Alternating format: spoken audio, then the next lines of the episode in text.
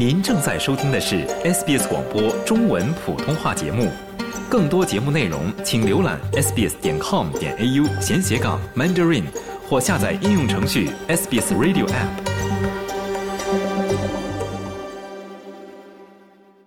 上月，维州政府标志性基建项目近郊铁路环线 SRL 的首个主要工程合同签署。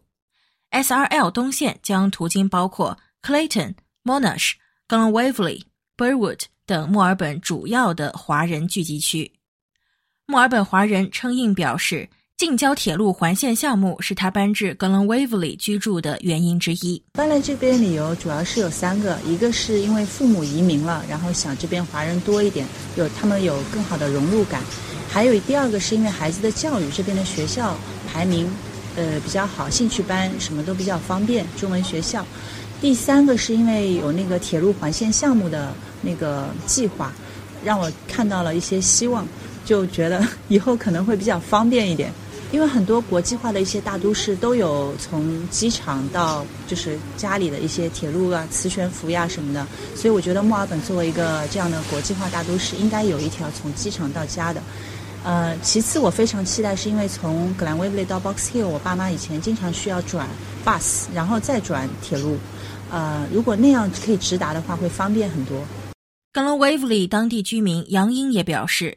铁路扩容不仅会让交通更加便利，也有希望带动当地的房价进一步上涨。当时我们在选房子的时候呢，我先生告诉我六个 S，就是说：shop、school、spot、stop、security，and I think there's another one silence。Yeah，所以说我们现在选的这个部分呢，我就感觉都符合了这六个 S。并且呢，因为作为妈妈嘛，我们还是很注重孩子的教育的。那这个附近呢，一些私校啊、公校啊，都还是不错的一个教育资源。而且这里的交通非常方便，我先生去这个上班呢，直接就可以走高速。我女儿的校车呢，就在家门口。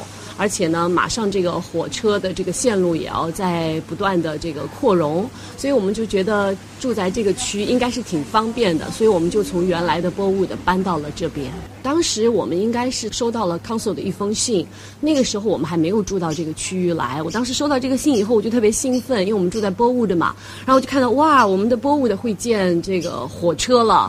然后 Glen 呢也会建火车，就是它扩容嘛，所以呢，它这个扩容的线路呢，就是更加的四通八达了。所以我就感觉呢，这也是一个很好的亮点。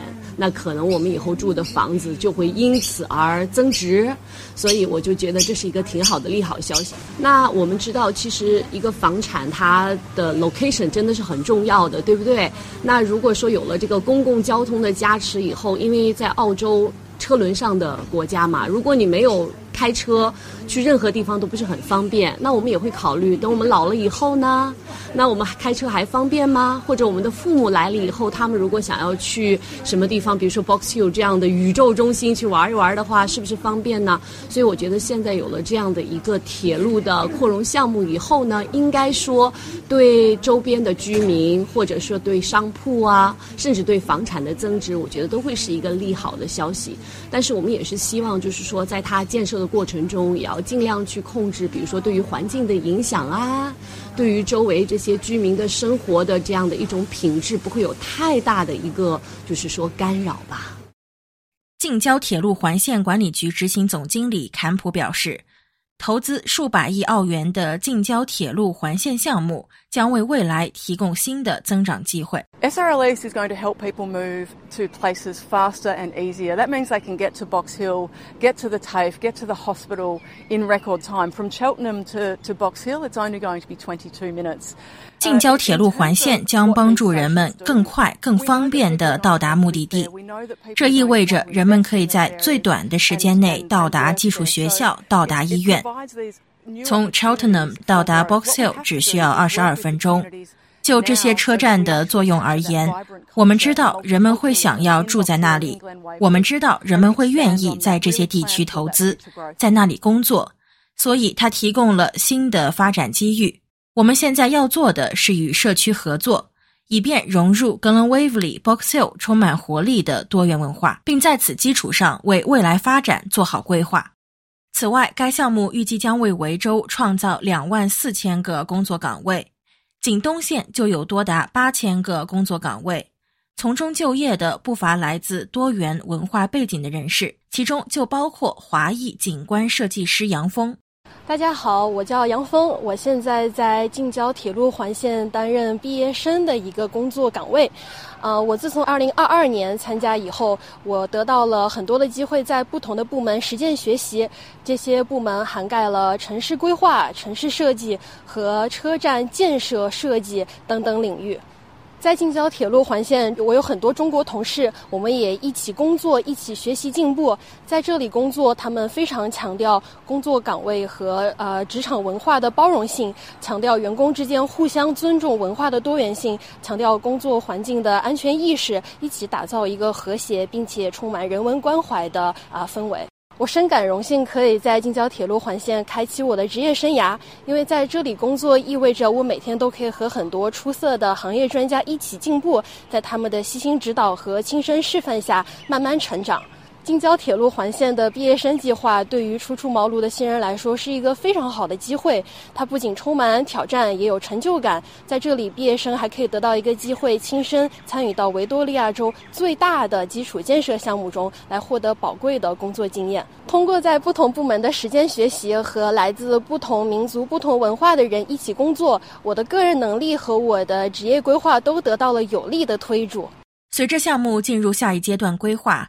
近郊铁路环线管理局已经开始了新一轮的社区咨询。We are currently out for community feedback on our precinct vision documents. 我们目前正在征求社区对地区愿景文件的反馈意见，这就是我们如何规划、创建并使这些社区变得比现在更好的方式。我们鼓励 Box Hill 的每个人。G l e n w a v e l y 的每个人都来阅读愿景文件，并提供他们的反馈意见。根据规划，近郊铁路环线东线部分的隧道将从2026年开挖，并于2035年投入使用。但是，两位来自 g l e n Waverly 的华人都表示，虽然期待铁路建成，但是对能否按期完工感到担忧。我是非常期待能够建成的，但是我对澳洲速度保持持怀疑态度吧。就是由于各方面的生活成本的上升啊，导致呃建筑成本的上升啊，各种不确定的因素啊，所以我还是有一点怀疑态度。其实怎么说呢，计划永远没有变化快，是不是？所以在这个漫长的这个过程中，它究竟可能会因为什么样的原因？也许罢工啊，也许有一些天天气的原因啊，也许有一些这个在建设过程中遇到的技术问题啊等等，它都有可能会。